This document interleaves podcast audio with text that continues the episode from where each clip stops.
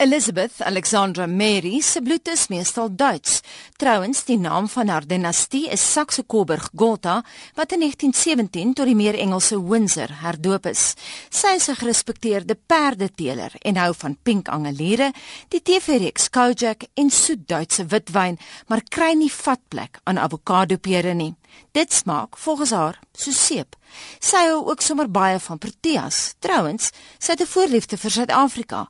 Dis dan ook by Government House in Kaapstad waar sy as prinses in 1947 op haar 21ste verjaarsdag die volgende eed aan haar onderdane afgelê het. I declare before you all that my whole life, whether it be long or short, shall be devoted to your service and the service of our great imperial family to which we all belong. But I shall not have the strength to carry out this resolution alone unless you join in it with me, as I now invite you to do. I know that your support will be unfailingly given. God help me to make good my vow, and God bless all of you who are willing to share in it. Die Britse monarg se pligte en regte is in 1867 deur die skrywer Walter Bagehot in die boek The English Constitution beskryf as the right to be consulted, the right to encourage and the right to warn. Sy het tydens haar heerskappy 12 Britse premiers sien kom en gaan en as staatshoof 11 Amerikaanse presidente ontmoet. As monarg het Elisabeth II al na 116 lande gereis. 261 van die reise was amptelike staatsbesoeke. Dit maak haar die mees bereese monarg in die geskiedenis ten spyte daarvan dat sy geen paspoort het nie. Dit was dan ook buite haar geboortelandsgrense waar sy haar 21ste verjaarsdag gevier het. Later het sy in 'n brief aan haar ouma, koningin Mary, geskryf: "Darling Granny, when I caught my first glimpse of Table Mountain, I could hardly believe that anything could be so beautiful." 'n Wederkerige sentiment wat die moederstad betref. Cape Town firework display. The start of the show was the a great salvo of rockets, and now as the rockets die against the night sky, the whole outline of the mole is illuminated by flares. But now, Her Royal Highness, Princess Elizabeth, has come out driving along the Val Drive to see the display in her honour.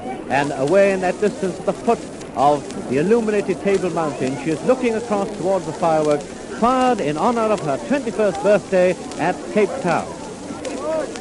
Elizabeth, wat deur haar familie as Lilibet aangespreek word, was in 'n boomhuishotel, Treetops, in die Keniaanse bos toe sy vroeg die oggend van 6 Februarie 1952 koningin geword het. Sy is egter eers op 2 Junie 1953 in die Westminster Abdij gekroon. Die destydse Afrikaanse diens, Louis Creel en Pieter de Waal, het vanuit Londen verslag gedoen. Die loflied is onderbreek deur dawerende basuingeskaal waarna die koningin se leerlinge van die Westminster skool hul tradisionele alleenreg uitgeoefen het om hul vorstelike beskermer die eerste in die abdij te begroet.